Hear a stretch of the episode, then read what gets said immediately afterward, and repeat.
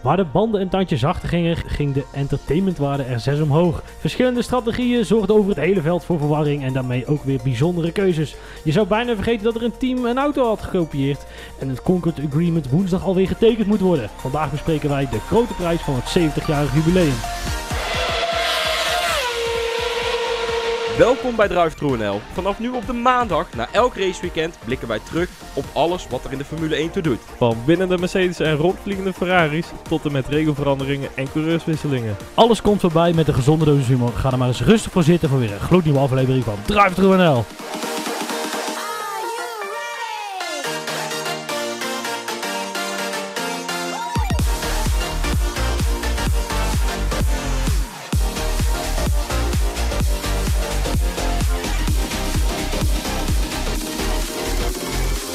Ja, welkom Niels. Ja, jij welkom. Ja, en we hebben een bomvolle aflevering. Eh, we hebben van alles meegemaakt van de week. En de race was op zich ook iets gebeurd.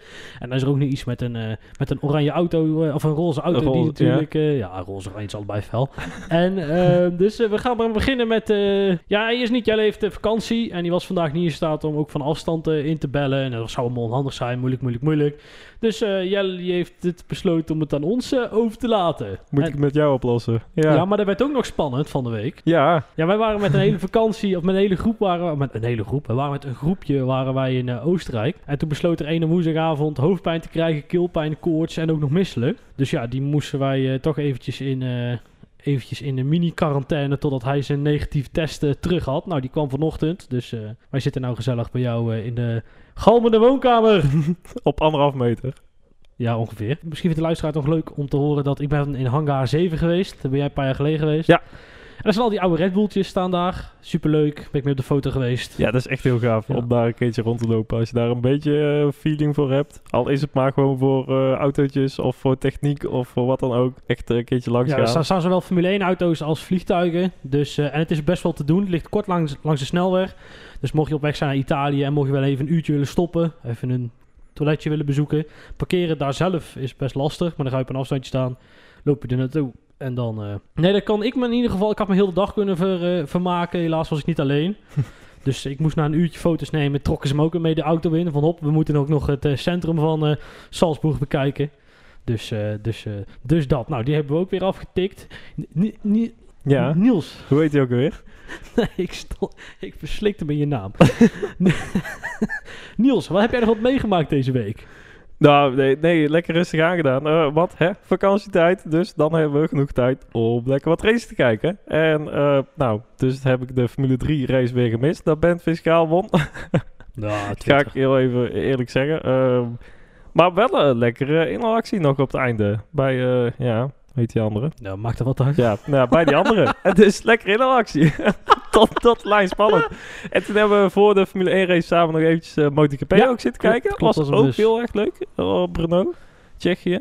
Dat Brett Binder nog, eh, nog wint. Ehm, ja, en op dit moment hebben we op een klein schermpje daarnaast eh, de Formule E race nog aanstaan. Want die is op dit moment eh, bezig. Dus de rijdende stofzuigers. Daar staat Feunje momenteel voor Roland en daarachter weer Costa. Ach ja, kun je meteen weer vergeten. Eh gaat vooral kijken. Die, die zijn best met een prestigieus project bezig daar in Berlijn. Nee, die doen daar in, eh, in negen dagen doen ze zes race rijden op drie verschillende circuits. En dan zeggen ze ook nog van, er komt één kampioen. Want het zijn inderdaad de laatste zes races Ja. van dit seizoen. Ja. Eh, we hebben ze drie eh, layouts gemaakt. Eén keer dat ze de verkeerde kant op rijden, zo maar te zeggen. Ja. Eén keer de goede kant op rijden. En één keer hebben ze nog een paar chicanes toegevoegd aan het, eh, aan het circuit. Eh, dus dat doen ze woensdag, donderdag. Nu zaterdag, zondag nog races. En dan aankomende woensdag en donderdag nog. En dan weten we donderdag dat Da Costa, eh, spoilers, eh, kampioen is Ja. geworden. Staat echt al eh, om in de ver voor. Ja.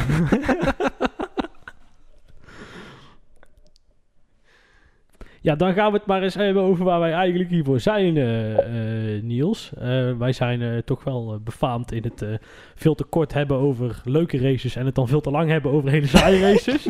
Dat is Ja, toch wel, als ja, ik ons één kwaliteit zou moeten toeschrijven, dan zou dat wel zijn. Misschien is dat een goede verkooppraatje voor op Spotify in de, in de bio. En Jon, en waar moeten we in vredesnaam beginnen? Zullen we Mercedes dan beginnen? Gewoon weer vooraan? Ja. nee, ja, dus niet. Gewoon weer vooraan. Zo, inderdaad. Ja, ja maar heel apart dat ze... ehm, ja, begon eigenlijk nog allemaal vrij goed voor Mercedes. Bottas die goed van zijn plek afkomt bij de start. Ook Hamilton die aardig wegkomt. Hamilton geen pol voor het eerst sinds eh 100 jaar. Ja, met een, ook een hele aparte kwalificatie weer. Met die softbanden, medium banden. Dat eh, Bottas inderdaad sneller is op de medium dan Hamilton op de softband. Ja, het leek er ook een beetje op of dat die softband gewoon op was op het einde. Dat ze die, die laatste sector waar je toch een beetje die tractie nodig hebt. eh, die laatste chicane uit Ja. en dan die rechte bocht door naar start-finish. Dat ze daar niet genoeg eh, grip hadden om daar echt die snelheid goed mee te kunnen nemen. Terwijl dat daar nou juist zo belangrijk is. En de rest van de bochten, daar kun je nog wel redelijk eh, met hoge snelheid door blijven gaan en, en door blijven jassen. Eh, maar dat die achterbanden gewoon klaar waren. En dat die mediumbanden net iets beter vol Ja, kon houden. Maar omdat ja, die grip wat minder is, dat ze daardoor in de eerste sector wat verloren. Dus dat was een beetje de trade-off waar ja, die gewoon heel erg dicht bij elkaar lag.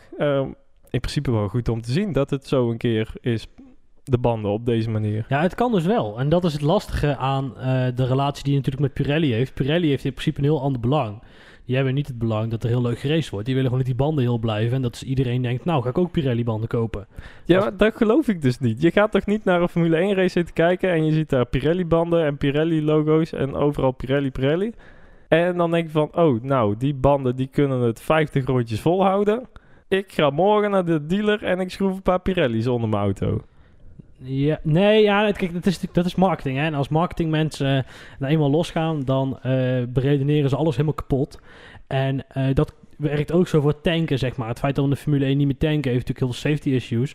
Maar het komt ook niet meer terug, omdat Mercedes zegt van... joh, wij willen niet dat onze bolides twee keer in de wedstrijd eh, in beeld komen... met zo'n zo'n stinkende brandstofslang eh, aan mijn auto.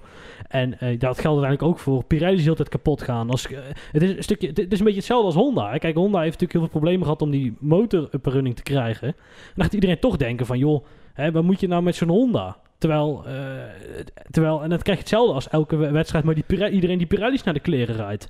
Dan is het ook voor je. Wat moet iedereen nou met, met zo'n Pirelli? Dus het afbreukrisico is heel groot. En daardoor zie je dat zo'n Pirelli heel conservatief is in de banden. Terwijl we hebben vandaag gezien dat dat hoeft niet. Ja, Dus het- juist. het- het- het- we krijgen er een hele leuke race van. Alleen ja, iedereen, zit toch weer te iedereen heeft het toch wel weer over die banden. Ja, ik heb zoiets van, ja, slechte marketing is ook marketing. En, eh, of ja, slechte Ja, reclame dan meer. En er wordt toch over gesproken over Pirelli. En zeker nu deze twee eh, eh, weekenden. Eh, ja, betere reclame kunnen ze niet hebben, toch? Ehm, ja, dat weet ik niet. Dat vind ik heel lastig, omdat je toch... Ze en- kunnen ook à la Bridgestone banden meegeven die een heel weekendje... dus die er één keer onder schroeven en, en gaan met de banaan. Maar ja, dan, dan wordt er ook niks meer over gesproken. Of, of dan zie je alleen de plaatjes in beeld komen. Maar nu wordt er echt alleen maar gesproken over de banden. En oh, eh, hard tijdens de kwalificatie. En, en Maar ik weet niet of dat altijd positief is. En moet je nagaan dat jij miljoenen, honderden miljoenen per jaar in zo'n project steekt... dan weet ik niet of, eh, of, eh, of, of je daar heel blij mee bent als mensen er ook over gaan zeuren. Natuurlijk, dan heb je dat, dat gevaar altijd. Maar Hmm. Maar goed, ehm, het zorgt in ieder geval een hele leuke race. En eigenlijk tot onze grote schrik eh, was Verstappen kon eigenlijk best wel mee met het tempo. En de bandjes van... Schrik. Nou ja, goed, eh, we, waren toch wel verbaasd. Hè? Want Ja, Bottas, dat- het, dat te- zeker. Bottas het tempo viel een heel klein beetje tegen. En daardoor wist eh, Verstappen natuurlijk heel netjes er voorbij te komen. En die had nog een hele leuke boodschap voor zijn engineer. Die zei, weet je wat je doet? Doe even rustig aan. Ja, en terecht. En gelukkig ook dat hij daar echt eventjes eh, eh, de verkeerde kant op eh, luisterde. Want eh, ja, eh, gewoon lekker aanvallen. Nu kun je tenminste een keer iets doen met die Mercedes. Hè? En eh, inderdaad niet twee seconden erachteraan sukkelen om maar een beetje je banden proberen heel te houden. Want die gingen uiteindelijk gewoon heel goed mee. En ja, dan zie je uiteindelijk dat hij op, op 20 rondjes oude eh, hard nog ruime seconde per rondje sneller gaat dan Bottas en Hamilton. Allebei op een verso eh, setje hard. Dat was zo raar om te zien. Toen, toen hadden we echt allebei zoiets van... Ja. Klopt die lifetiming wel? Wat, wat gebeurt hier allemaal? Maar dit, het mooiste is dat je op dat moment krijg je op een gegeven moment door dat eh, je denkt van potverdorie, gaat hij hem nou gewoon winnen? Silverstone, hè? Weet je wel, Ja. dat, dat, dat, dat, je, dat je, want je, ja, wij zijn natuurlijk ook niet gek, wij kunnen ook vrij snel rekenen. En het leuke is natuurlijk wel dat hij, eerst lijkt hij hem echt binnen te hebben, dan gaat hij naar die mediums, dat houdt hij nog geen acht rondjes vol volgens mij, of zes zelfs. En dan zegt hij, jongens, ik, hou, ik, ik ga weer terug naar die hards. En eigenlijk voordat je het weet, eh, ramt hij hem er bij Bottas weer, eh, vliegt hij hem er voorbij en hebben ze hem niet meer, eh, niet meer gezien. Ja. Ja, dat was natuurlijk wel heel gaaf om, om mee te maken een keer. Nou ja, vooral die, die eerste verdedigende actie van Bottas. dat was einde Wellington Street. ja. Het, het was niet deze verdedigende Nee. actie. Kom op, Bottas, man. Echt, dan kun je een keer ook je dienst bewijzen ten opzichte van Hamilton. Of misschien je eigen race nog wel een beetje redden. En nee, het, het, het zag er weer, ja, zoals Bottas. ja, classic. De, de, de classic, Classic Bottas, Bottas. zag het er weer gewoon echt Kijk, niet uit. het was ook niet zo dat het snelheidsverschil zo groot was als toen Hamilton weer, hem weer voorbij ging aan richting het einde van de race. Daar kon helemaal niks aan doen. Maar dit was gewoon, eh, eh, ja, dit was vrij, eh, vrij bijzonder. Als een natte krant vier wielen had, dan noemen we hem Bottas. maar goed, ehm, op een gegeven moment eh, zie je dus dat hè, Mercedes, die, die laten heel snel zien dat ze naar, een, eh, naar een twee-stopper willen. Eh, eigenlijk meteen, door, eh door op op die medium zo te, zo te starten en zo vroeg naar die hard te gaan. Verstappen houdt hem heel lang in de lucht. Hè, wij dachten, we hebben het zelf ook een beetje van, oh, wat zou hij nou doen? Zou hij het nou echt, echt proberen te verlengen? Uiteindelijk hebben Leclerc en Stroll is het hun, wel gelukt. De rare is alleen dat op een gegeven moment Lewis ook wel besloot om die stint van die hards ook echt enorm lang te rekken. Ook toen we- Verstappen al terug was, weer op die hardband. Ja, ik snapte dat eigenlijk ook niet zo. Eh, want je weet dat die harde band echt maar een paar rondjes, als je daar vol op gaat pushen, dat hij maar een paar rondjes ook echt die performance geeft. En dat hij daarna wel weer op een, een, een ja, gemiddelder niveau uitkomt. Ja, en, en ze, ze hebben al die data van vorige week, want die harde band was vorige week de medium. Dus ja, ik, ik snapte die beslissingen niet zo. Sowieso wel, had ik wel een paar strategische momentjes ook bij andere teams. Waarvan ik denk van, nou, dit is eh interessante redenatie. Hoezo? Een drie stopper is toch best logisch? Ja, Eerst een medium, dan weer een medium, dan heel even naar de hards en dan weer terug naar de medium. Ja, Ricciardo. Ja. Ja. en toen werd hij inderdaad veertiende, terwijl zijn teamgenoot achtste is Ja. geworden. Ja. Ja, met een hele logische eh, stint. Ja, nou ja, of een andere drie stopper. De medium, de hard, de hard en daarna de soft van Hulkenberg. Toch fijn voor Pirelli dat die rode shots nog een keer verkocht zijn. Zo, nou inderdaad. Nee, maar zonder gekheid. Eh, richting het einde, eh, Hamilton die rijdt dus door, hè, waar we het net over, eh, net over hadden. Die maakt dus nog pitstop en die rijdt dan, hè, dan proberen ze met die overspeed in het begin van de laatste harde stint, proberen ze natuurlijk de Verstappen onder druk te gaan zetten. Maar hij komt Charles Leclerc tegen en ik denk toch wel dat er op zijn minst een taartje die kant op mag. Ja, ondanks dat het uiteindelijk nog steeds het gat 10 seconden was. Nee, nou goed, kijk, je zag dat Hamilton die reed echt eh, bijna twee seconden per rondje reed hij goed in het begin van die, eh, van die stint. Toen kwam die Leclerc tegen en die heeft hem toch redelijk, eh, redelijk op weten te houden. Heeft toch zeker een ronde of drie geduurd. Net een cruciale ronde als hij die nog door had kunnen zetten. Ja, ik denk dat dat vooral die rondes waren dat die performance echt nog Ja. goed was. Ehm, ja, ik denk dat ze ook een beetje gehoopt hadden dat Leclerc dan nog een pitstop zou moeten gaan maken. eh, omdat ze dan daar uiteindelijk ook erop terug zouden komen. Het was trouwens ook, heeft Leclerc later nog gezegd van, het was eh, echt zijn eigen ehm, ja, invulling van de strategie dat hij door wilde eh, blijven rijden op die harde band en niet nog een keer naar binnen wilde. Want dat was eigenlijk het, plan van Ferrari. En daar heeft eh, Leclerc eventjes zelf eh, zijn stokje voor gestoken. Nee, maar Ferrari die had zit bordevol goede strategische plannen, toch, dit weekend? Ja, het was echt, het was echt niet normaal. Dat, dat eh, Vettel eerst ja, bij zijn eerste pitstop van hard naar hard gaat. En dan later nog een hele lange stint op de mediums gaat rijden. Logisch. Ja, ik denk, draai hem dan om. Ga van hard Ja. naar die mediums. En doe dan nog Maar ik vond eh, vooral de furiositeit die Vettel er even inlegt. Van joh, eh, ik heb dit toch gezegd. Wat de fuck jullie aan het doen? Het lijkt helemaal Ja. nergens op. Je weet dat je fout zit. Nou, toen had hij tenminste nog wat pit erin. Maar na de race echt... eh, je hoorde weer een boordradio dat, eh, dat de engineer tegen hem aan het praten was van ja, P12, P12. En voor, voor de rest... Dat was best netjes. ja, dat is best wel nog. beste Italiaanse. P12, P12. Maar dat hij ook gewoon niet eens meer iets terugzegt. Gewoon, hij, hij is er echt helemaal klaar mee. En ja, eh, ja het wordt gewoon sneu. Ja. ja, als hij nou stopt, dan kost het hem 25 miljoen. Dus ik snap wel dat hij doorrijdt.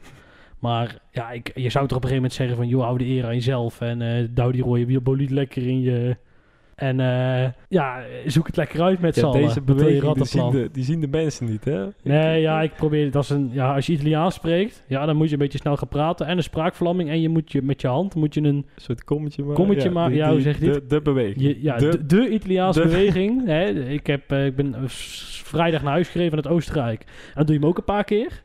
Hè? Zeg maar, on, ondersteboven zout strooien. Dat is het. Zo. Ja. Ja, dit, dit wordt echt kwaliteit, dit. Ehm, even kijken, dan ben ik alweer vergeten waar we waren. Nou ja, uiteindelijk, eh, even kijken, we hebben Ferrari wel redelijk gehad. Daar doen we, komen we straks nog wel op terug. Ehm, nou ja, Mercedes, om het dan het weekend echt af te sluiten. Ze weten, ze vechten nog even met elkaar. Uh, Speed Hamilton is er voorbij. Eh, van eh 1 en 2 gaan ze dan naar 2 en 3. En een slimme strategie van Verstappen. Ja, die zorgt ervoor dat hij hem, dat hij hem wint. Dat het een korte samenvatting is. Ja, ik vond het vooral opvallend dat zowel Max als eh, Albon allebei eh, zeiden van, nou, de, de balans in Ja, de auto, die zat er lekker in. Ja. Terwijl het enige waar ze tot nu toe echt steen en been over bleven klagen, was dat er geen balans zat in die auto. En dat ze maar bleven tunen en tweaken en afstellingen en weet ik veel doen. En dat er maar geen balans in die auto te krijgen was. En nu in één keer, hup, poef, dat was de balans. Ja, Zo'n Tita Tovenaar truc. ik nee, vind nee, het dat heel is ook zo. Maar zou het ook niet een heel klein beetje marketing kunnen... Of eh, nee, niet marketing, om mij nou. eh, zeg maar gewoon afspraken binnen een team kunnen zijn. Je zegt van, joh, eh, de, er is iets gefixt. Laten we het vooral op de balans schuiven. Want we willen eigenlijk niet vertellen wat we gefixt hebben. Dat, zo, het- Mm. zo kwam het een heel klein beetje op mij, op mij over. Voor hetzelfde hebben ze iets gevonden, doen ze iets... luchtdruk. Maar goed, dat kon het dus niet zijn, want, eh, want ehm, ja, die, eh, jij las net voor dat ze die overal, eh, overal gecheckt hadden. Nou ben Ja. ik wel benieuwd, hè? Want het is zo dat als die band warmer wordt, dan is de druk in dat ding is hoger. Zo, zo werkt het nou gewoon helemaal. Want lucht zet harder uit dan dat eh, rubber uitzet als het warm wordt. Dus dan vraag ik me af, zouden ze nou, waar, waar zouden ze die referentie op zetten? Ik denk, maar dat, dat is ook echt pure speculatie, dat ze eh, die temperatuur meenemen in de berekening van de druk. En dat ze daar een, een standaard druk bij een bepaalde temperatuur bij vasthouden. Maar wanneer zou de druk dan 22 PSI zijn? Hè? Dat is het dan. eh, PSI, ja. Maar wanneer? Moet het dan zijn bij 100 graden de band of bij 0 graden de band? Kan ik, nou goed, daar kan ik me echt eh, urenlang over, over aan fascineren. Ehm, eens even kijken. Dan hebben we Mercedes hebben we gehad. Ehm, nou, Red Bull dan. Albon, die was netjes, eh, had een net eh, Inhaalrace. inhaalrace. En Ja, ook een paar absoluut. echt serieus nette eh, inhaalacties ook. En twee keer buitenom bij Kops, volgens mij. Dat je ook echt eventjes Ja. in de billetjes knijpt van... Oeh, jongen, wat ga je nou ja. toch allemaal doen? Ja. Normaal op vrijdag pakte die en dat was dan zijn racelijn. Maar nu ging hij echt inhalen daar in die bocht. ja, over de cup. Ja, Ja, ja, ja. Eh, en, en buitenom in, eh, wat is dat? Luffield Woodcourt? Nee, ja, Luffield, ja. Ja, ja, ja, ja. Ja, nee, heel netjes en eh, heel goed. En ja, er lijkt toch iets meer vertrouwen te zijn in de auto, maar wel weer een stront kwalificatie. Kijk, als jij negende begint, weet je, je zag wat eigenlijk wat Leclerc deed, was de perfecte teammaat van Max Verstappen zijn, alleen reed een andere auto. dus op, nee, als op het moment dat, dat Hamilton die Ja. pitstop maakt, gewoon in de weg rijden. Gewoon drie, vier rondjes in de weg rijden. Heb eigenlijk genoeg gedaan. En dan is het voor Hamilton te, te laat om eh, nog eh, aan te kunnen vallen. Nou, en dat deed Leclerc nu. En eigenlijk moet daar Albon rijden natuurlijk. Maar ja, die wist natuurlijk, over, die wist natuurlijk weer eens een keer niet eh, hoog te kwalificeren. En, Oh, dat, nou. dat is wel, wel een, een drama aan het worden. Ja, maar goed, verder een prima, een prima race. Ja, en de balans is er weer, hè? Zoek de balans. Ja, een stukje van Jochem Meijer, sorry. Ja, inside, inside joke. Heb ik me drie weken lang eh, om moeten lachen. Dat, nou goed. Ehm Ja. Eens even kijken. Dan moeten we Ferrari natuurlijk nog even afsluiten. Buiten het feit dat er geen tempo meer te krijgen is in die Ferrari van Vettel. En Leclerc eigenlijk best wel een netjes eh, met die eenstopper. Slimme strategie. Maar goed, al had, had hij gestopt. Dan, ja, dan had hij trouwens met Albon... eh, had hij, ja, oké. Goed, dat stoppen, dat, dat is niet geen slimme comment. Maar goed. Ehm, dus toch Ja. met die eenstopper die P4 gehaald. Maar hoe, hoe, ja, ik vind het, die prestaties nu van, eh, van Leclerc, dat hij elke keer weer een, ja, die vierde plek zo uit het vuur weet te slepen. Ja, heel lastig om nou te bepalen hoe goed dat hij nu rijdt eigenlijk. Want ja, eh, die Ferrari, dat is echt gewoon een hok. Een, een zeepkist, eh, ja, daar word je bang van. Maar ja, Ja, ik vind vooral de, de, ook de performanceverschil tussen Leclerc en Vettel kan ik niet heel erg rijmen. Want uiteindelijk is het zo bij Ferrari is het altijd iets meer politiek dan dat het sport is. Mhm. het is wel echt Ferrari helemaal. Dan wordt het ook wel weer een mooi team van. Maar ook eh, net, zo, eh, net zo berucht natuurlijk. En ehm, ja, het heeft denk ik ook te maken met het feit dat die Racing Points... er met die Mercedes motoren in de kwalificatie wel bij kunnen zitten. Maar gewoon op de, lang, op de longruns het verliezen. Nou, dat zijn al twee plekken die je wint. Ehm, een Albon die kwalificeert nooit goed. Nou, Mhm. en, en dus daar zit je ook altijd wel redelijk voor dan. En zo weet Leclerc het toch voor elkaar te krijgen om heel tijd een beetje naar voren te fietsen. Maar het is ook al vaak blijven uit, proberen uit het gezeur te komen. Ja, Blijven je en- ziet hem inderdaad helemaal niet tijdens de race. Ja, Eh, maar ja, elke keer toch wel decent eh, resultaten. En ja, in principe doet hij dat wel gewoon heel erg goed. Maar goed, als ik Vettel was, dan zou ik, eh, zou ik ermee stoppen. Zou ik zeggen van, joh, zoek het maar uit. Zet eh Giovinazzi maar in die auto. Die kan er ook gekloten van. En dan eh, ben ik er vanaf. Wat ik zeg, dat kost hem 25 miljoen. En ik denk dat mevrouw Vettel dan zegt van... doe toch nog maar eventjes, Ja. toch nog maar eventjes door, eh, Schat. Ja, schat. Doe het voor mij, Oh. hè? En voor het nieuwe jacht. Ja, denk ik ook. Ja, op een nieuwe buitenwoning, ergens in Ja, de bosjes. zoiets. Of bosjes, bossen. Dan gaan we naar Racing Point. Ehm, ja, daar was iets aan de hand. eh van Ja, daar week. hebben we niet zoveel over te vertellen, Nee. denk ik. nee, ja, oh, het, het statement van Laura Stroll. Ik wilde toch wel eventjes... Oh, dit was gewoon eigenlijk comedie. Ja, het was een Trump-persiflage, toch? Ja, ja, ja, ja. Hij ging daar echt zo even zitten van... Nou jongens, ik kom hier eh, met een dikke zak geld. Dus ik zal het allemaal wel eens eventjes gaan vertellen hier. Hoe dit allemaal zit. Jullie zijn eh, mijn eh, aandeelhouders of zo. Ik zal hier eens even als grote baas zal ik iedereen gaan toespreken. En dan eh, morgen is alle, al het gezeik is uit de lucht. En dan loopt iedereen weer gezellig achter elkaar aan. Nee, ik weet niet. Ik weet ook niet wat hij daarmee wil bereiken. Wat, wat is zijn bedoeling om daar eventjes de grote meneer uit te gaan hangen en te zeggen van... Nou, Wij hebben niks verkeerd Ja. gedaan. Jullie zijn allemaal kut. Muil houden en weer verder racen. Ik weet niet. Ik vind sowieso een bijzondere man. Ehm, ja, wie geeft er nou 200 miljoen euro uit aan het feit dat ze alleen maar... Aan zijn eh, zoon. Ja, eh, hij wil zijn zoon in de Formule 1 rijden. We, we, hè, de- de- we gaan nou zien met waar Vettel gaat rijden. Of die, eh, als die komt en wie die dan wegstuurt, hoe serieus het Formule 1 avontuur nou is. Dus ik vind het een bijzondere man. hey, maar als we nou even inzoomen op de precies... wat, wat is er nou van de week gebeurd? Ja. Ja, ja, waar wil je beginnen? Eh, de, de, de straf. Ja, 15 punt, ja, 7,5 punt per auto. Maar dan weer niet bij de eh coureurs eh, standings, maar alleen bij de constructeurs. oké. Ja, ze hebben nu eh 41 punten na deze Grand Prix. Daar gaan er dus 15 af. Vorig jaar hadden ze na 5 Grand Prix 17 punten. Dus hebben ze nog steeds dit jaar meer punten dan vorig jaar. Dus dan hoor ik heel veel, eh, ja, ook in het Formule 1 café kwam dat weer terug van ja, maar straks die 15 punten kan ze één of twee plekken in, in het kampioenschap Ja. eh, een verschil tussen zitten. Maar alsnog, als zij dan alsnog eh, met die straf twee plekken hoger eindigen dan dat ze met zo'n eh gammelbak van vorig jaar eindigen. Dan hebben ze die, die, die, eh, die miljoenen die ze daarin mislopen met die 15 miljoen, die hebben ze al lang weer gecompenseerd met wat ze anders niet gehaald zouden hebben. Dan hebben ze dus alsnog meer dan, dan dat ze normaal gesproken zouden rijden. Dus die, die 15 punten vind ik echt nergens op slaan. Die 400.000 eh, dollar ik snap waar die, dat die vandaan komt. De ontwikkelingskosten van een, van een breakduct vind ik overigens ook al best wel prijzig. Ja, maar goed, is Formule 1. Voor ja. een luchthappertje. Ja, Eh, ja, oké, maar hij is nu wel geldig, maar hij is... Ja, het is nou zo, dan gaan ze elke race tegen Racing Point zeggen, Racing Point, hey, kom eens, kom eens, kom eens, kom eens, foei.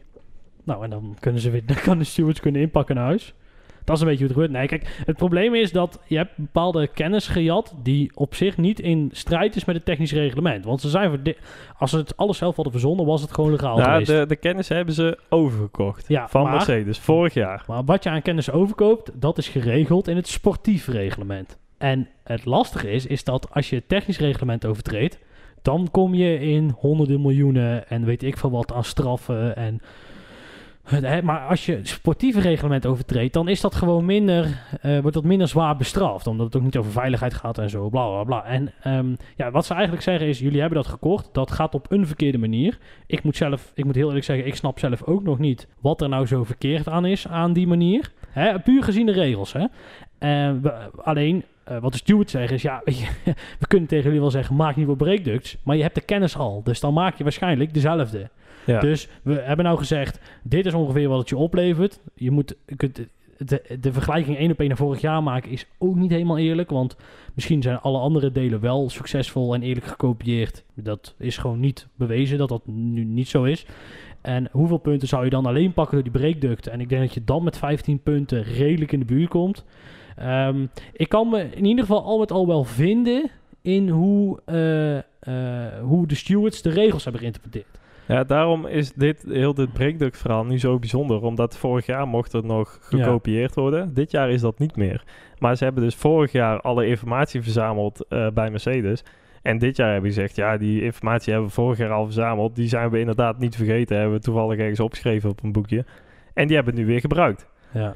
Ehm, maar bij die andere onderdelen, want je hoort nu ook uh, zo'n Zack Brown en, en Renault ook van, ja, maar die breakducts, dit is maar uh, pas het begin. En we gaan hierna naar andere onderdelen van de auto kijken. Maar daar zijn die regels helemaal niet voor veranderd, voor de meeste andere onderdelen. Dus ik, ik ja, ik ben heel benieuwd wat er nu voor vervolgstappen gaan komen. Ik vind het ook wel bijzonder als je kijkt welke teams nou uh, protest indienen. Uh, welke teams dat niet doen en welke teams dat wel doen. McLaren die alles zelf doen. Renault die alles zelf doen. Ferrari die ze niet voorbij komen. Williams? Uh, nee, ja, Williams, Williams ja. Maar vanuit Haas blijft het verdacht stil. En het, vanuit Toro Rosso blijft het ook verdacht stil. Ja, uiteraard. Dus uh, ik snap wat dat betreft Racing Point ook wel. Die zeggen van, joh, Haas heeft zelf nog nooit een breekduct ontworpen. En, dat is altijd goed. En nou weer. En Toro Rosso hetzelfde. De, als je de achterkant van de Toro Rosso vergelijkt met de Red Bull van het jaar daarvoor, dan uh, zie je over de jaren heen verdacht vaak een vergelijking. En dat geldt natuurlijk ook voor, voor dit. En de vraag is heel anders. En uh, die hebben wij eerder ook al besproken hoor. Van, joh, wil je nou als Formule 1 een, uh, drie manufacturers hebben of vier, uh, plus één die het probeert, Williams. En dan de rest die dan maar de rest koopt, dus de, de overige vijf die dan de beste vijf kopiëren. Satellietteams worden dan. Kijk, Formule 1 is zo niet verzonnen, maar je moet het wel betaalbaar maken, houden. Ja, we hebben uh, dus vanmiddag die MotoGP-race ja. gezien. En daar was de voorste startrij, waren drie satellietteams. Ja, en dan hoor je nooit iemand klagen dat het niet twintig verschillende, of er zijn nog veel meer coureurs trouwens in de MotoGP, uh, verschillende... Um, uh, constructeurs uh, hebt. Ja, dus het, ja, dat zijn hele andere budgetten, andere belangen, andere sport ook vooral. Maar ja, het, ik denk dat er wel een vergelijking mee is te trekken naar... Ja, maar kijk, uh, kijk, dat is natuurlijk de vraag. Kijk, en, en je kunt je afvragen, McLaren heeft altijd, is altijd een afhankelijk geweest van een ander. Uh, vooral de motor. Uh, mm. Eigenlijk vroeg, van vanuit vroeger al. Hè, Mercedes heel veel en Honda daar weer voor. En um, ja, kijk, Renault is inmiddels iedereen die, die zijn zo slecht in het onderhouden van zakelijke relaties dat die duwen ook de hele tijd met iedereen weg. Ja, heel lullig, maar het Ja. is wel zo. Kijk, en Williams, die, die hebben alleen nog maar punten gepakt de afgelopen jaren omdat ze een, eh, William, of een Mercedes Power Unit hadden. Dus ook die hebben weer een bepaald. Ja, die, die, die, die hebben ook een bepaald belang of onha- onhandigheid in zitten. En ja, kijk, eh, ik snap het, dat, ik snap het wel dat die teams zeggen van joh, FIA regelt dit nou eens. En de FIA is ook voornemens om dit voor 2021 te fixen. Nou ja, ik, inderdaad, de, de intentie lijkt nu dat de FIA ook zegt van eh, Williams dan bijvoorbeeld. Je hebt gelijk, eh, de Formule 1 moeten echt eh, afzonderlijke constructeurs zijn. En niet allemaal auto's van vorig jaar Ja. jatten en die maar één op één kopiëren of heel veel onderdelen gaan inkopen. Ik ben er eigenlijk ergens wel, wel blij in. Ehm, het grootste argument wat je nu hoort is oh, ontwikkelingskosten en het is allemaal veel te duur. En, maar dan krijgen we dus straks die budgetcaps voor. En ook eh, gereguleerde ontwikkeling. eh, dat niet iedereen evenveel mag en kan ont- ontwikkelen met eh, tokens en weet ik veel allemaal nog. Dat, dat argument van die kosten vind ik wel een beetje, beetje wegvallen daarin. En ja, voor de rest, het is altijd leuker om te kijken naar verschillende ontwerpfilosofieën, verschillende eh gedachten. Ja, maar ja, dat snap ik, maar ik geloof daar niet heel erg in, omdat uiteindelijk wij dat heel leuk vinden. Maar wij zijn gewoon Formule 1 gekkies. Wij vinden het leuk om te zien dat... eh, Ja, maar het is toch leuker dat Red Bull op een bepaald circuit beter gaat, omdat er meer bochten zijn en een Ferrari de afgelopen paar jaren beter gaat op een Monza, omdat die alleen maar eh, rechtstukken en gaan ja, maar het is leuker als, als die een slechte dag hebben, dat die gewoon tiende worden of elfde en niet toch wel het hele middenveld oprollen. Ja. En het is alleen dat Ferra- Ferrari heeft dan wat dat betreft als enige gehoor aan ons gegeven. en ehm, Vettel vooral. Nee, maar stel, kijk, stel je zou. s- stel je zou een Formule 1 hebben waarin je dus echt kopieert. Dus stel, Racing Point heeft gewoon echt de Mercedes van vorig jaar gepakt. Ze hebben de verf eraf getrokken en eh Racing Point stickers opgelegd. Eh, Haas heeft dat bij eh, Ferrari, Ferrari. gedaan en Toro Rosso zou dat bij Red Bull helemaal doen. Ja, dan krijg je wel ineens zes teams die echt verschrikkelijk kort op elkaar zitten. Waarbij het satellietteam zelfs beter is dan het originele team. In het geval van Haas. Eh, bij Ferrari. Dit is nogmaals het hypothetische geval, hè. Waar Toro Rosso ongeveer net zo snel is als eh, eh, het, het team. En waar eigenlijk alleen eh, Mercedes de beste constructeur is en dan boven komt drijven. En ze voor de verder rest allemaal gaan knokken met de Racing Points. Ja, ik denk Dus- dat die verschillen sowieso wel kleiner gaan worden doordat die ontwikkeling gereguleerd gaat worden. Eh, en dat de, de, de lagere teams meer mogen ontwikkelen, meer eh, research, R&D, CFD, windtunnels, alles eh, in mogen gaan zetten. Ehm, maar ja, dat is ook maar de vraag in hoeverre zich, dat zich gaat uitpakken. En daar kun je wel stellen van, ja, ze hebben bij de FIA wel vertrouwen erin dat het veld dichter bij elkaar gaat komen met hun eigen nieuwe reglementen. Want anders denk ik niet dat ze het op deze manier gaan, gaan oplossen zo. Nee, dit, VIA zou dit altijd zo blijven verdedigen. Omdat dit uiteindelijk nog steeds de filosofie is van de regels die de Formule 1 definiëren. En het is nog de enige raceklasse waar dit echt zo werkt. Want in elke andere raceklasse heb je maar een paar mensen die, eh, de, die, die het manufacturing gedeelte doen. En dan wordt de rest gewoon gerund. En Formule 1 en nog een hele paar hele kleine klasses is dat niet zo. En ik denk dat ze het daarom eh, voor deze, op deze Hm. manier eh, voor de Formule 1 eh, opnemen. Ik, in ieder geval, wij houden het in ieder geval in de gaten wat het de komende tijd brengt. Als we het beter snappen, dan zullen we het waarschijnlijk vast nog wel een keer, een keer herhalen. Vooral wat er nou precies ieder, ieder, hè, wat nou precies de vervolgstappen zijn. Er is een protest aangetekend dat de straf zwaarder zou moeten zijn. Daar gaat de Er is ook protest aangetekend door Raceport zelf dat de straf eh, weer weg zou Oké, moeten ook eh, gehaald ja. eh, worden. En daar gaat de een of andere rechtbank in Parijs volgens mij gaat zich daar Ja. over buigen. Dan gaan we weer even terug naar de grote prijs van het 70-jarig bestaan van de Formule 1 en van Groot-Brittannië en weet ik veel wat allemaal. In Silverstone. ja. Eh, dan hebben we Racing Point verder. Ja, Hulkenberg nog steeds in de auto. Die zal volgende week ook wel gaan racen. Gok ik zo. Super kwalificatie ja, om het even- shit. Ja, lekker. op P3, netjes. Ehm, een van de weinige mensen die met een drie verschillende teams in de top 3 is gekwalificeerd, las ik Vier vandaag. zelfs. Ja, als je Racing Point en Force India als twee ja. teams ziet, maar dat is, dat is niet zo. En Stroll was de andere met eh, een één stopper na, na Leclerc, toch? Of zijn er nog meer? heeft een twee-stopper. Stroll heeft een twee stopper. En Ocon had nog een één-stopper. Kijk, dat heb ik precies op de verkeerde persoon gezet. Geen En probleem. Raikkonen had nog een Maar één-stopper. Strollybolly wel van 6 naar 6. Dat valt niks, eh, dat valt, dat valt niet tegen. Nee, nee, maar ook eh, het lijkt... eh, vorige race was hij negende geworden uit mijn hoofd. Acht, ergens, die kant op. Maar wel. het, het lijkt nu dat ze ja, wel er beter bij zaten dan, dan Het vorige is race. al gênant dat als jij al zes races hebt gereden, nee is niet waar, vijf races hebt gereden, dat je dan gewoon iemand in jouw auto stapt en sneller is. Maar goed, dat, eh, dat ben ik. Wel Ja. jammer van Hulkenberg dat hij, moest, dat hij nog moest stoppen, joh. Nou, hij zei zelf dat hij het echt nooit gered had in verband met bepaalde vibraties. Ja. Maar en daar, Super zelfs daar blijkt dus, de enige op de rode band, dat hij niet eens een snelste racerondje kan Nee. rijden. Of, of dat hij niet eens in één keer een veel betere pace kan, kan, kan gaan rijden. Dat, dat, ja, is toch jammer. McLaren, hele, Slecht. an- hele anonieme race ook, hè? Ja, eh, ja eventjes dat, eh dat eh Sainz daar spint. Nee, dat was Ricciardo die spint. Ja, Ricardo Nee, daar, ja. daar zat Sainz bij. ja. Eh, maar voor de rest, nee, inderdaad, gewoon niet gezien. Ja, Sainz even bij de start dan nog, dat, dat Vettel daar Ja. eh, ook, ook spint. En dat hij nog maar net te langs kan rijden. Want Oh, jij het, is ook bijna vergeten, het was echt heel close. Ja, nee, hij, hij duikt, duikt op de curb, maar hij springt er ook weer vanaf. Dan lijkt hij een beetje vroeg op zijn gas te gaan. Vettel, Vettel, ja. ja. ja, En moeilijk, moeilijk, moeilijk. Houdt hem recht. Toch niet. Gaat over de pit exit heen en eh, hij pakt zich en eh, continueert verder zijn race. Vrij eh, bijzonder. Maar goed, eh, McLaren bijna niet gezien, dus ook bijna niet besproken. Norris nog wel twee WK-puntjes gepakt. Ehm, Renault hetzelfde. Ocon eh, die deed nog een heel klein beetje aan met Russell in de kwalificatie. Ja, nee, dat, dat, was echt gigantisch blokken. En ja, eh, met z'n tweeën eh, langzaam rijdend. Eh, volgens mij haalde hij een Williams in uit mijn hoofd. Nee, Giovinazzi. Giovinazzi inderdaad, ja. Ehm, en met z'n tweeën langzaam rijdend naast elkaar. En, en ja, daar inderdaad eh, iemand die op volle snelheid achteraan komt. En ook nog best wel flink in de ankers moeten om daar eh erger te voorkomen. Eh, ja, was niet zo handig, maar dat er uiteindelijk niks meer mee, mee is gebeurd. Dat is Terwijl ze ja. ook al zelf zeiden van, ja, dit, dit zal nog wel een strafje worden. Ja, toch vrij bijzonder. Vond het wel leuk dat de engineer die baalde er ook zelf echt van. Ja. Zou ik, eh, fuck, op de achtergrond.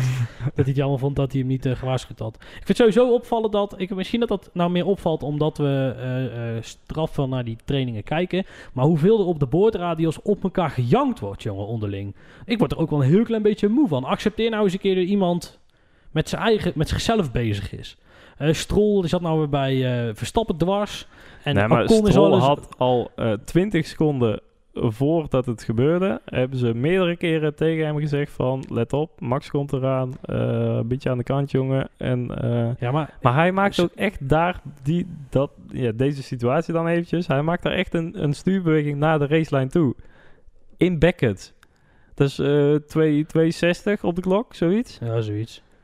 Ja, dan, dan Ja, eh, maar is wel even dat, ja, oké, maar kijk, dit, dit is dan eh, een geval op zich. Maar als je in de breedte kijkt, gebeurt het veel vaker. Eh, Max begint ook altijd te janken op Bottas. En er zijn wel meer gasten die af en toe Sainz. nog wel eens... Is de laatste tijd best wel aan het janken. Ja, nou daarom. Eh, Maar of ja, doe er wat aan en stel er duidelijke regels van. Of stop met z'n allen met dat gejank, joh. Want we zijn Formule 1 coureurs en het enige wat ze kunnen doen is over die boordradio's gelopen janken dat er iemand in de weg rijdt.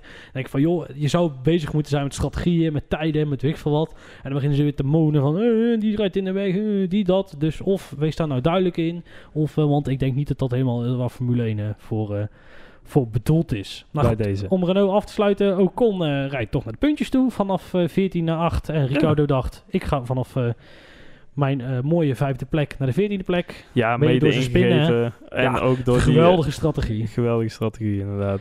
Ehm, dan komen we bij eh, langzaam, schu- langzamerhand schuiven we op naar de achterkant van het veld. Onze grote vrienden van de Alfa Tauris. Wil je daar nog iets over kwijt, Niels? Nou, ehm, eigenlijk een, eh, een best wel prima kwalificatie van onze Gasly. Die eh, best wel de hemel ingeprezen wordt de laatste tijd. Ja, nog even en hij moet, rol, moet eh, Albon weer gaan vervangen. Max, denk. Ja, want wat gaat Max doen? Naar, naar Mercedes, want Hamilton heeft hem niet getekend. Zoiets, ja. Ja, Ferrari redden. Formule E. oh ja, want Max... van Abt. Ja, ja zoiets. Inside Dan vertel- en dan vertelt niemand dat. Ehm, nee, ja, Gasly prima kwalificatie, maar uiteindelijk geen punten. Ehm, ja, heel vroeg ook weer naar binnen met zijn eh, medium band. Twee keer hard. Eh, Een Ja, en- rare strategie trouwens. Een hele korte stint op de hardband en een hele lange stint op de hardband. What the fuck? Eh, Ja, en dan een Kwiat die echt vanaf eh, P16 nog een puntje binnensleept. Dat is dan ook wel weer eh, te Ja, prijzen. ik vind het... Ik, het is, elke week vraag ik me bij die ta- afval Tauberies weer af... hoe ik nou die, kwali- die kwaliteit en, eh, eh, van die gasten moet inschatten. Want zijn ze nou gewoon heel goed... en rijden ze materiaal wat er eigenlijk niet voor bedoeld is... best wel naar een redelijke plek toe? Ja. Of is het juist andersom? Ze zijn eigenlijk niet zo goed... maar ze hebben best wel een goede auto. Het zou ook wel grappig zijn... als Alfa Tauri dus de auto van Red Bull van vorig jaar gekopieerd heeft... maar gewoon niemand erdoor heeft. Omdat de coureurs zo slecht Omdat, zijn. ze, omdat ze gewoon niet doorrijden. Ja, ja. ja. Dat ze er niks van kunnen. Ja, goed, in dat, principe rijdt dan eh, of eh, Gasly wel op zijn plek waar dat hij... eh? Ja, bekende plek. ja, een plekje 11 zo. Ja, nou goed, eh, laten we het over de tweede stoeltje bij Red Bull maar niet, te niet te lang hebben, want anders kunnen we nog zo'n aflevering vullen. Even kijken, dus wat we zeiden, Fiat eh, hij pakt een mooi puntje, Gasly pakt net geen punt. Ehm, dan gaan we naar eh, Alfa Romeo. Zo. Het nieuwe Sauber, maar het oude Sauber. Oh, ja. Ja. Zou, Oh. Zou Raikkonen niet gewoon beter kunnen stoppen, joh? Gewoon net als samen met Vettel lekker een lekkere eh, lange vakantie boeken naar een Canarische eiland of zo. Of in Kimmy's geval lekker in de sneeuw. En, Ja. dan, en dan gewoon lekker stoppen, joh. Kap ermee. Het heeft er geen zin. Ja, het, is, ik- het, het is zo langzaam. Ik geloof niet dat hij daar happy van wordt inderdaad. Om dan eh als twintigste inderdaad Ja. kwalificeren. Achter je teamgenoot alweer. nog. Achter je, je, je, ja, je nog steeds wel Ja. nieuwe teamgenoot die over het algemeen als niet Ja. echt het wonderkind wordt gezien. Nee. Eh, ja, dan, dan rijdt hij er in de, in de race wel weer voor. Maar ja, Ja, waar doet hij het nog voor? Ja, de vorige keer ook. Toen, eh, eh, vorige race, later nog een boordradio gehoord. Toen met, de met de safety car, dat hup, heel het soortje naar binnen ging. En dat, eh, dat, je- dat de boordradio ook wel in, in, in. En eh, toen reed hij dus in de, in de pitlane, zeg maar. Ja. En eh, toen was het ook weer van, nee, stay out, stay out. En eh, Kimi weer boos van, eh, I thought it was a bad idea. En eh, Ja. fuck this en alles. En eh Waar die zin in heeft, joh. Ik vind het ook bijzonder. ijsjes eten. Het is een bijzonder vent, hè? Oh. Ja, ja, ja, ja. Geweldig. Eigenaardig of Ja. zo. Op de een of andere manier. Ja, ik, ik ben niet zo'n zo'n Kimi-fan wat dat betreft. Je hebt er best wel wat rondlopen in de Formule 1. Die, eh, oh, Ja. hij zegt eh, oké. Ja, ja. Zeg maar, want hij zegt nooit iets en nu zegt hij oké. Ja, maar- is ja, maar is dat omdat het Kimmy is? Of is dat omdat we in Formule 1 land ook maar gewoon alles adopteren wat een beetje grappig is? We gaan nou, Ja. ik weet nu al dat we tot en met het eind van het jaar zijn wij elke race aan het wachten of Max nog tegen zijn engineer heeft gezegd dat hij water moet drinken. Want dat vinden we grappig. Ja, maar zelfs Christian Horner gaat dat adopteren. Gewoon doe even normaal. Maar goed, eh, voordat ik weer eh, zo'n zuurpruim word. Ja, nee, je hebt veel Kimmy-fans rondlopen. Ja, ja, absoluut. En ja, nou, ik ben er niet een van. Dat Om zijn even- persoonlijk- om zijn persoonlijkheid. Dat wil je even Ja. gezegd hebben. Nee, ja, gewoon echt een verschrikkelijke vent. Nee, nee. Eh, nee, ja. Haas? Ja, Alfa Romeo dus raakcode van 20 naar 15. En Giovinazzi van 19 naar 17. Dat is gewoon drie keer kut. Eh, inderdaad, de Haas, ja. Ja. Ik wil nog een Jelliaans bruggetje verzinnen van iets met laag niveau of slecht tempo. Maar eh, ehm, ja, Magnussen die heeft toch wel... eh, als je, je hebt driver of the day, maar ik zou ook wel idioot van de day willen benoemen. En dan zou ik graag Magnussen willen nomineren. Ja? Ja, als je zo van de baan afgaat en je vliegt er zo weer terug op, ja, dan heb, ben je volgens mij eh, ben je je eigen frustraties voorbij. En dan ga je ze bot vieren op iemand anders. Ja, ik snap wel dat hij daar eh, wel redelijk snel de baan weer op wilde. En ik vond ook wel dat, eh, want het was Russell die de Nee, Latifi volgens Latifi die ernaast reed.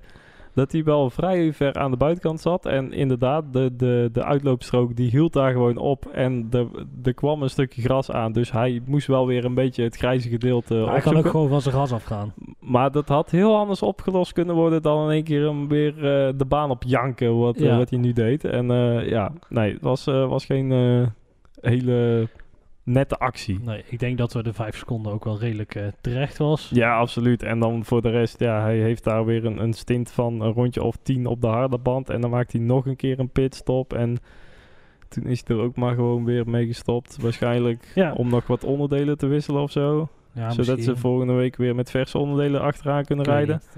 Ja, ik, het, het, het begint een beetje zo'n sneu verhaal te worden, elke week weer. Hè? Maar ja, het is voor hun gewoon te hopen dat er heel snel 2022 is. En dat ze dan weer wat dingen van Ferrari kunnen overnemen. En dat Ferrari het ook snapt, want het lijkt allemaal eh, helemaal... eh, het is allemaal niet zo, niet zo. Ja, en ik dacht bij Grosjean van, nou, hè, die kwalificeert zich op eh, P13. Voor Haas best wel Ja. prima resultaat. Best wel flink, voor, Ja. volgens mij een tiende of zes voor Magnussen. Ik dacht echt van, nou, hey, Grosjean die heeft het licht gevonden. En net op tijd, want Hulkenberg begint toch misschien ook wel stilletje ergens weer op een deurtje te kloppen bij Haas. Omdat Grosjean waarschijnlijk toch wel het laatste jaar eh, gaat worden. Zou zomaar kunnen. Hè, misschien? Ja, Perez moet ook nog ergens een stoeltje hebben, waarschijnlijk. Nou, met z'n tweeën dan. Hartstikke idee. Half vijf toch nog een plekje. Komt wel goed met die jongens. Ja. Maar dat Grosjean echt nou zoiets heeft van... Hey, we misschien toch maar een keertje gas gaan geven. En dan in de, in de race dan zakt het weer helemaal terug. En eindigt hij alsnog zelfs achter Raikkonen. Ja, dan... Iedereen die achter Raikkonen eindigt, kan beter stoppen. Ja. Daarover gesproken, Williams. ja, het is gelukt. ja. Het is gelukt. Het is gelukt. Williams, ja. Ehm Russell weer naar Q2. En hij is ook nog virtual champion. Dus dat gaat wel goed komen. En Latifi Ja, eh, kwam Q1 niet eens uit. Dus Maar het, is ook weer... Latifi rijdt nu beter als Kubica vorig jaar. ja. Dat is geen hele grote prestatie. maar eh, het Ja. gat naar Russell is wel kleiner. Terwijl ik heb Latifi niet hoger zitten of zo Nee. dan Kubica. En ja, wat zegt dat dan weer over Russell? Waar, waar kun je die mee Trouwens, vergelijken? Ook wel Want bijzonder, want zij krijgen dus ook een twee-stopper gewoon niet aan de praat. Hè? Ze zijn allebei ook van eh medium. een drie-stopper. drie stoppertje Ja. gedaan. Ja. heel bijzonder. Ik snap ook niet, waarom begin je dan een vredesnaam op de mediumband? Nou goed. Ehm, ja. Ja. Dus ja, het is, eh, het is wel heel, eh, ook wel heel sneu. Ja, heel vervelend ook wel. Ja, Terwijl toch, ja, iedereen verwacht toch die, die grote opleving hè, van de Williamsen. En, eh, of de grote opleving is overdreven. Maar ja, ik hoop dat ze in de race ook een beetje een rol van betekenis kunnen spelen. Allicht achterin. Maar het zit er ook niet aan. Hè? En dat is wel heel, eh, heel vervelend. Nee, de, de progressie lijkt een beetje te, te, te stokken. En, Ja. en dat is eh, best wel een, redelijke auto uit de wintertest hebben we meegenomen. En dat nu, ja, eh, oké, shit jongens, nu moeten we gaan Ja. ontwikkelen. Ja, ik ben wel benieuwd hoe het zit met de overname van, de, van, de, van het team. Dat gaat toch gebeuren. En ja, ik, ik heb daar verder nog niet heel veel over, over gehoord. Maar goed, dat gaan, we, dat gaan we ook zien. Dat was hem alweer. Ja, Nee, dan gaan we de Fantasy League even rekenen al, Niels. oh god.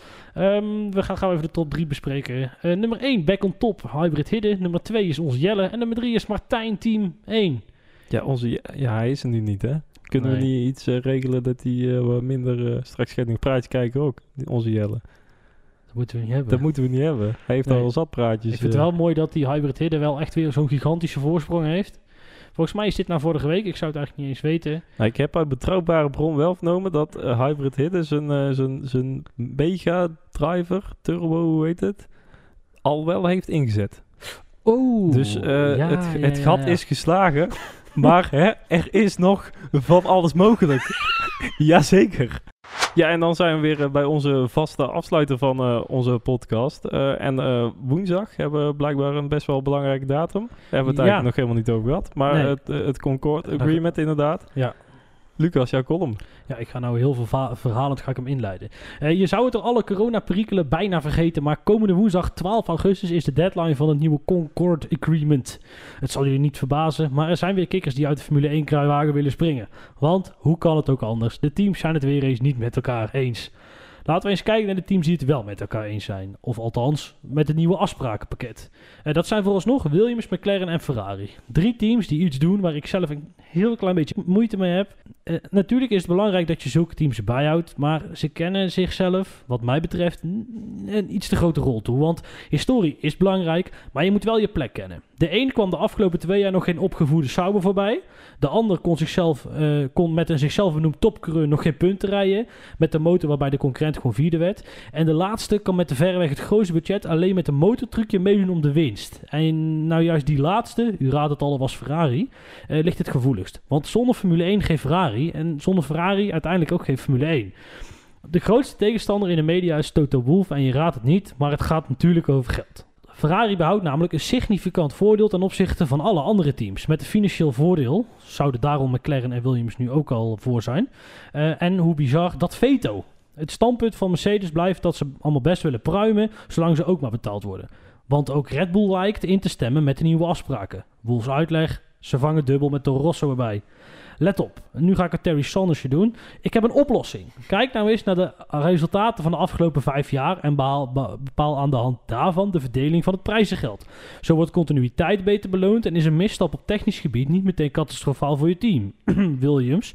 En zo blijft Ferrari ergens rond tweede, derde plek hangen samen met Red Bull en krijgt Mercedes de waardering die zij verdienen. Want sport doe je om te winnen en als je wint word je daarvoor beloond. En dan mag het wel om en saai zijn om naar te kijken door die veel te snelle Mercedes'en. Maar zo werkt sport nou eenmaal. In voetbal is het niet anders. Alhoewel bandenfeest vandaag met Don Capirelli uitkomst kan bieden. Formule 1 is overigens wel de enige sport met een historische bonus. En dat is en blijft bijzonder, want resultaat in het verleden betekent natuurlijk helemaal geen garanties voor de toekomst. Ja, dankjewel eh, Lucas. Eh, Ja. Dat was hij weer voor deze week. Ja, volgende week gaan we denk ik sowieso alle afspraakjes weer uh, Concord Agreement een beetje bespreken. Gok Ja. ik zo, als, als het echt rondkomt van de week. Zal wel weer niet. maar- Komt zeker voorbij. En eh, hou ook onze socials in de gaten. Twi- eh, Twitter, Facebook en Instagram. Check ook onze site dtnlpodcast.nl. .nl, ja. Hebben we het alweer gehad, hè? Ja, eh, tot volgende week.